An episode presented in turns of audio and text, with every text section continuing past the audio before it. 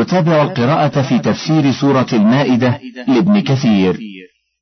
لما ذكر تعالى ما حرمه على عباده المؤمنين من الخبائث وما أحله لهم من الطيبات قال بعده اليوم أحل لكم الطيبات. ثم ذكر حكم ذبائح أهل الكتابين من اليهود والنصارى فقال وطعام الذين أوتوا الكتاب حل لكم. قال ابن عباس وأبو أمامة ومجاهد وسعيد بن جبير وعكرمة وعطاء والحسن ومكحول وإبراهيم النخعي والسدي ومقاتل بن حيان يعني ذبائحهم. وهذا أمر مجمع عليه بين العلماء أن ذبائحهم حلال للمسلمين لأنهم يعتقدون تحريم الذبح لغير الله ولا يذكرون على ذبائحهم إلا اسم الله وإن اعتقدوا فيه تعالى ما هو منزه عنه تعالى وتقدس. وقد ثبت في الصحيح عن عبد الله بن مغفل قال أدلي بجراب من شحم يوم خيبر فحضنته وقلت لا أعطي اليوم من هذا أحدا. والتفت فإذا النبي صلى الله عليه وسلم يتبسم فاستدل به الفقهاء على أنه يجوز تناول ما يحتاج إليه من الأطعمة ونحوها من الغنيمة قبل القسمة. وهذا ظاهر. واستدل به الفقهاء الحنفية والشافعية والحنابلة على أصحاب مالك في منعهم أكل ما يعتقد اليهود تحريمه من ذبائحهم كالشحوم ونحوها مما حرم عليهم.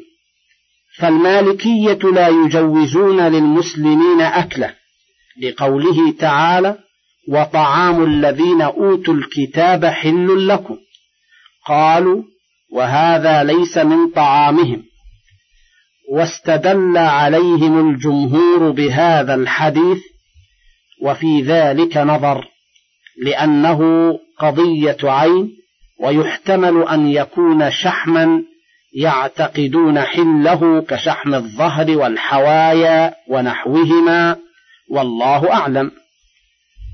وأجود منه في الدلالة ما ثبت في الصحيح أن أهل خيبر أهدوا لرسول الله صلى الله عليه وسلم شاة مصلية وقد سموا ذراعها وكان يعجبه الذراع.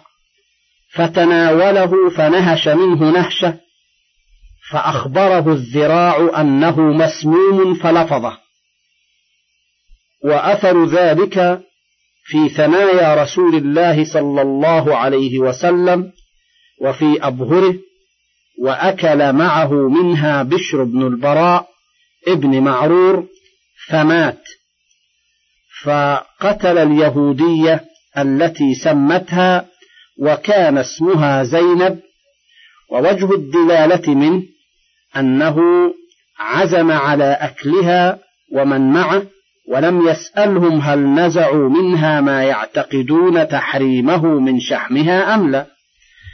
وفي الحديث الآخر أن رسول الله صلى الله عليه وسلم أضافه يهودي على خبز على خبز شعير وإهالة سنخة يعني ودكا زنخا وقال ابن أبي حاتم قرئ على العباس بن الوليد بن مزيد أخبرنا محمد بن شعيب أخبرني النعمان بن المنذر عن مكحول قال أنزل الله ولا تأكلوا مما لم يذكر اسم الله عليه ثم نسخه الرب عز وجل ورحم المسلمين. فقال اليوم أحل لكم الطيبات وطعام الذين أوتوا الكتاب حل لكم. فنسخها بذلك وأحل طعام أهل الكتاب. وفي هذا الذي قاله مكحول رحمه الله نظر. فإنه لا يلزم من إباحته طعام أهل الكتاب إباحة أكل ما لم يذكر اسم الله عليه. لأنهم يذكرون اسم الله على ذبائحهم وقرابينهم وهم متعبدون بذلك ولهذا لم لم يبح ذبائح من عداهم من أهل الشرك ومن شابههم لأنهم لم يذكروا اسم الله على ذبائحهم بل ولا يتوقفوا فيما يأكلونه من اللحم على ذكاه بل يأكلون الميتة بخلاف أهل الكتابين. ومن شاكلهم من السامرة والصابئة ومن يتمسك بدين إبراهيم وشيث وغيرهما من الأنبياء على أحد قولي العلماء ونصارى العرب كبني تغلب وتنوخ وبهرة وجذام ولخ وعاملة ومن أشبههم لا تؤكل ذبائحهم عند الجمهور.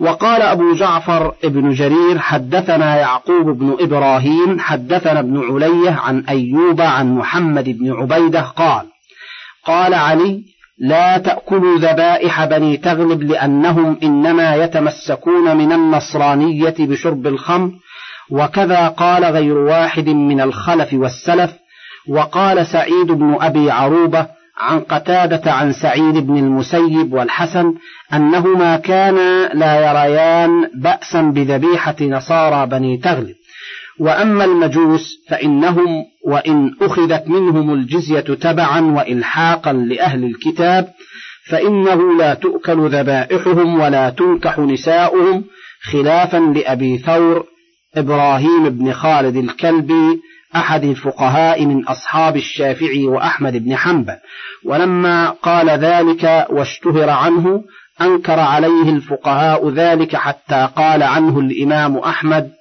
أبو ثور كاسمه يعني في هذه المسألة وكأنه تمسك بعموم حديث روي مرسلا عن النبي صلى الله عليه وسلم أنه قال سنوا بهم سنة أهل الكتاب ولكن لم يثبت بهذا اللفظ وإنما الذي في صحيح البخاري عن عبد الرحمن بن عوف أن رسول الله صلى الله عليه وسلم أخذ الجزية من مجوس هجر ولو سلم صحة هذا الحديث فعمومه مخصوص بمفهوم هذه الآية وطعام الذين أوتوا الكتاب حل لكم فدل بمفهومه مفهوم المخالفة على أن طعام من عداهم من أهل الأديان لا يحل. وقوله تعالى وطعامكم حل لهم أي ويحل لكم أن تطعموهم من ذبائحكم وليس هذا إخبارا عن الحكم عندهم. اللهم إلا أن يكون خبرا عما أمروا به من الأكل ومن كل طعام ذكر اسم الله عليه سواء كان من أهل ملتهم أو غيرها والأول أظهر في المعنى أي ولكم أن تطعموهم من ذبائحكم كما أكلتم من ذبائحهم وهذا من باب المكافأة والمقابلة والمجازاة كما ألبس النبي صلى الله عليه وسلم ثوبه لعبد الله بن أبي بن سلول حين مات ودفنه فيه قالوا لأنه كان قد كسى العباس حين قدم المدينة ثوبه فجازاه النبي صلى الله عليه وسلم ذلك بذلك. فأما الحديث الذي فيه لا تصحب إلا مؤمنا ولا يأكل طعامك إلا تقي فمحمول على الندب والاستحباب والله أعلم. وقوله والمحصنات من المؤمنات أي وأحل لكم نكاح الحرائر العفائف من النساء المؤمنات وذكر هذا توطئة لما بعده وهو قوله تعالى والمحصنات من الذين أوتوا الكتاب من قبلكم فقيل أراد بالمحصنات الحرائر دون الإماء حكاه ابن جرير عن مجاهد وإنما قال مجاهد المحصنات الحرائر فيحتمل أن يكون أراد ما حكاه عنه ويحتمل أن يكون أراد بالحرة العفيفة كما قال في الرواية الأخرى عنه وهو قول الجمهور ها هنا وهو الأشبه لئلا يجتمع فيها أن تكون ذمية وهي مع ذلك غير عفيفة فيفسد حالها بالكلية ويتحصل زوجها على ما قيل في المثل حشفا وسوء كيلة. والظاهر من الآية أن المراد من بالمحصنات العفيفات عن الزنا كما قال تعالى في الآية الأخرى محصنات غير مسافحات ولا متخذات أخدان. ثم اختلف المفسرون والعلماء في قوله تعالى والمحصنات من الذين أوتوا الكتاب من قبلكم هل يعم كل كتابية عفيفة سواء كانت حرة أو أمة؟ حكاه ابن جرير عن طائفة من السلف ممن فسر المحصنة بالعفيفة. وقيل المراد بأهل الكتاب ها هنا الإسرائيليات وهو مذهب الشافعي. وقيل المراد بذلك الذميات دون الحربيات لقوله قاتلوا الذين لا يؤمنون بالله ولا باليوم الآخر. الآية وقد كان عبد الله بن عمر لا يرى التزويج بالنصرانية ويقول لا أعلم شركا أعظم من أن تقول إن ربها عيسى وقد قال الله تعالى ولا تنكحوا المشركات حتى يؤمن الآية وقال ابن أبي حاتم حدثنا أبي حدثنا محمد بن حاتم ابن سليمان المؤدب حدثنا القاسم بن مالك يعني المزني حدثنا إسماعيل بن سميع عن أبي مالك الغفاري عن ابن عباس قال نزلت هذه الآية ولا تنكحوا المشركات حتى يؤمن قال فحجز الناس عنهن حتى نزلت الآية التي بعدها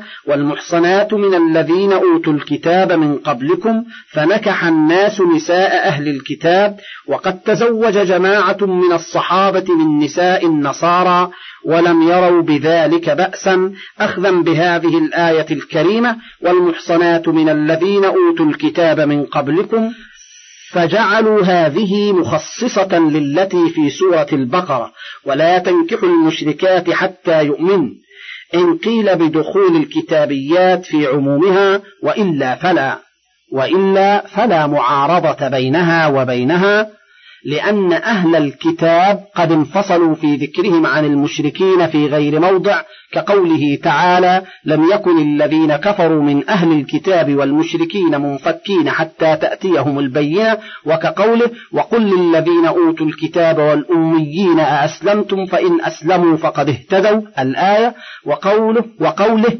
إذا آتيتموهن أجورهن أي مهورهن أي كما هن محصنات عفائف فابذلوا لهن المهور عن طيب نفس. وقد أفتى جابر بن عبد الله وعامر الشعبي وإبراهيم النخعي والحسن البصري بأن الرجل إذا نكح امرأة فزنت قبل دخوله بها أنه يفرق بينهما وترد عليه ما بذل لها من المهر. رواه ابن جرير عنه.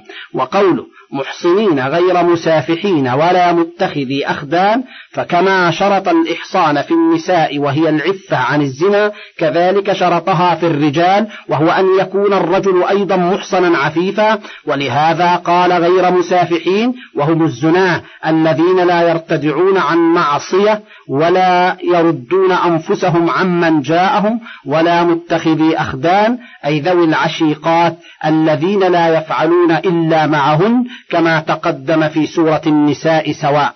ولهذا ذهب الإمام أحمد بن حنبل رحمه الله إلى أنه لا يصح نكاح المرأة البغي حتى تتوب وما دامت كذلك لا يصح تزويجها من رجل عفيف وكذلك لا يصح عنده عقد الرجل الفاجر على عفيفة حتى يتوب ويقلع عما هو فيه من الزنا لهذه الآية وللحديث لا ينكح الزاني المجلود إلا مثله. وقال ابن جرير حدثنا محمد بن بشار حدثنا سليمان بن حرب حدثنا أبو هلال عن قتادة عن الحسن قال قال عمر بن الخطاب لقد هممت ألا أدع أحدا أصاب فاحشة في الإسلام أن يتزوج محصنة فقال له أبي بن كعب يا أمير المؤمنين الشرك أعظم من ذلك وقد يقبل منه إذا تاب وسيأتي الكلام على هذه المسألة مستقصا عند قوله الزاني لا ينكح إلا زانية أو مشركة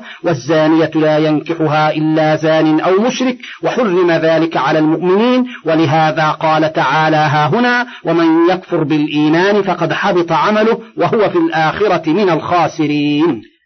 يا أيها الذين آمنوا إذا قمتم إلى الصلاة فاغسلوا وجوهكم وأيديكم إلى المرافق وامسحوا برؤوسكم وامسحوا برؤوسكم وأرجلكم إلى الكعبين وإن كنتم جنبا فاطهروا وإن كنتم مرضى أو على سفر أو جاء أحد منكم من الغائط أو لامستم النساء أو لامستم النساء فلم تجدوا ماء فتيمموا صعيدا طيبا فامسحوا بوجوهكم وأيديكم منه ما يريد الله ليجعل عليكم من حرج ما يريد الله ليجعل عليكم من حرج ولكن يريد ليطهركم وليتم نعمته عليكم لعلكم تشكرون. قال كثيرون من السلف في قوله إذا قمتم إلى الصلاة يعني وأنتم محدثون. وقال آخرون إذا قمتم من النوم إلى الصلاة وكلاهما قريب. وقال آخرون بل المعنى أعم من ذلك فالآية آمرة بالوضوء عند القيام إلى الصلاة ولكن هو في حق المحدث واجب وفي حق المتطهر ندب. وقد قيل إن الأمر بالوضوء لكل صلاة كان واجبا في ابتداء الإسلام ثم نسخ. وقال الإمام أحمد بن حنبل حدثنا عبد الرحمن حدثنا سفيان عن علقمة ابن مرثد عن سليمان ابن بريدة عن أبيه قال كان النبي صلى الله عليه وسلم يتوضأ عند كل صلاة فلما كان يوم الفتح توضأ ومسح على خفيه وصلى الصلوات بوضوء واحد. فقال له عمر يا رسول الله إنك فعلت شيئا لم تكن تفعله. قال إني عمدا فعلته يا عمر. وهكذا رواه مسلم وأهل السنن من حديث سفيان الثوري عن علقمة ابن مرثد ووقع في سنن ابن ماجه عن سفيان عن محان بن دثار بدل علقمة ابن مرثد كلاهما عن سليمان ابن بريدة به وقال الترمذي حسن صحيح. وقال ابن جرير حدثنا محمد بن عباد ابن موسى أخبرنا زياد ابن عبد الله ابن الطفيل البكائي حدثنا الفضل بن المبشر قال رأيت جابر ابن عبد الله يصلي الصلوات بوضوء واحد فإذا بال أو أحدث توضأ ومسح بفضل طهوره الخفين. فقلت أبا عبد الله أشيء تصنعه برأيك؟ قال بل رأيت النبي صلى الله عليه وسلم يصنعه فأنا أصنعه كما رأيت رسول الله يصنعه. وكذا رواه ابن ماجه عن إسماعيل ابن توبة عن زياد البكاء به. وقال أحمد حدثنا يعقوب حدثنا أبي عن ابن إسحاق حدثني محمد بن يحيى ابن حبان الأنصاري عن عبيد الله بن عبد الله بن عمر قال أرأيت وضوء عبد الله بن عمر لكل صلاة طاهرا كان أو غير طاهر عمن هو؟ قال حدثته أسماء بنت زيد ابن الخطاب أن عبد الله ابن حنظلة ابن الغسيل حدثها أن رسول الله صلى الله عليه وسلم كان أمر بالوضوء لكل صلاة. طاهر كان أو طاهرا كان أو غير طاهر.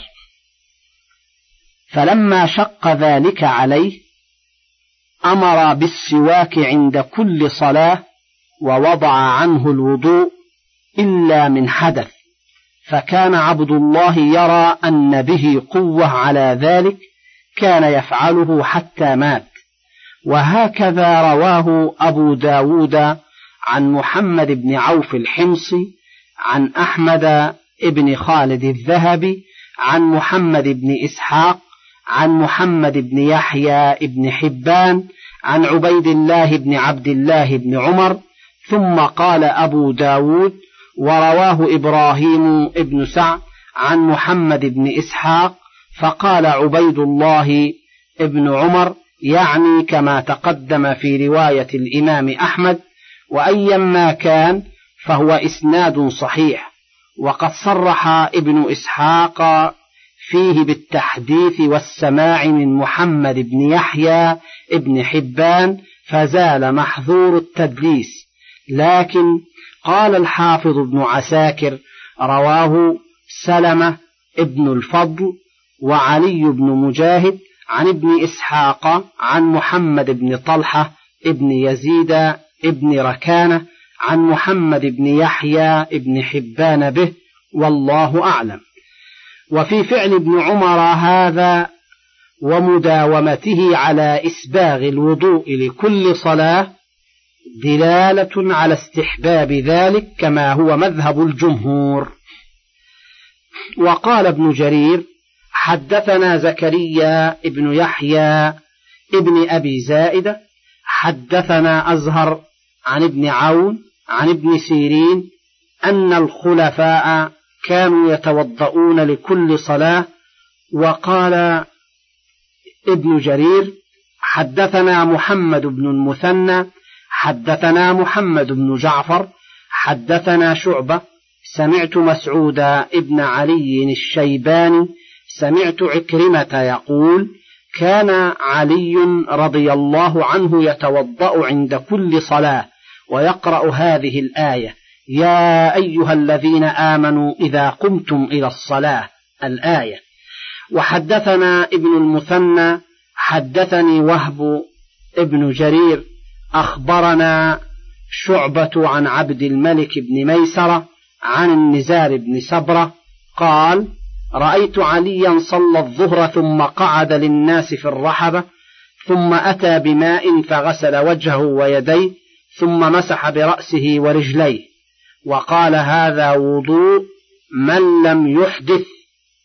وحدثني يعقوب ابن إبراهيم حدثنا هشيم عن مغيرة عن إبراهيم أن عليا اكتال من حب فتوضأ وضوءا فيه تجوز فقال هذا وضوء من لم يحدث وهذه طرق جيدة عن علي يقوي بعضها بعضا. وقال ابن جرير أيضا حدثنا ابن بشار حدثنا ابن أبي عدي عن حميد عن أنس قال توضأ عمر بن الخطاب وضوءا فيه تجوز خفيف فقال هذا وضوء من لم يحدث وهذا إسناد صحيح. وقال محمد بن سيرين كان الخلفاء يتوضؤون لكل صلاة. وأما ما رواه أبو داود الطيالسي عن أبي هلال عن قتادة عن سعيد بن المسيب أنه قال الوضوء من غير حدث اعتداء فهو غريب عن سعيد بن المسيب. ثم هو محمول على أن من اعتقد وجوبه فهو معتد. وأما مشروعيته استحبابا فقد دلت السنة على ذلك. وقال الإمام أحمد حدثنا عبد الرحمن ابن مهدي حدثنا سفيان عن عمرو بن عامر الأنصاري سمعت أنس بن مالك يقول كان النبي صلى الله عليه وسلم يتوضأ عند كل صلاة. قال قلت فأنتم كيف كنتم تصنعون؟ قال كنا نصلي الصلوات كلها بوضوء واحد ما لم نحدث. وقد رواه البخاري وأهل السنن من غير وجه عن عمرو بن عامر به. وقال ابن جرير حدثنا أبو سعيد البغدادي حدثنا إسحاق بن منصور عن هريم عن عبد الرحمن بن زياد هو الإفريقي عن أبي عطيف عن ابن عمر قال قال رسول الله صلى الله عليه وسلم من توضأ على طهر كتب له عشر حسنات ورواه أيضا من حديث عيسى ابن يونس عن الإفريقي عن أبي عطيف عن ابن عمر فذكره وفيه قصة وهكذا رواه أبو داود والترمذي وابن ماجه من حديث الإفريقي به نحوه.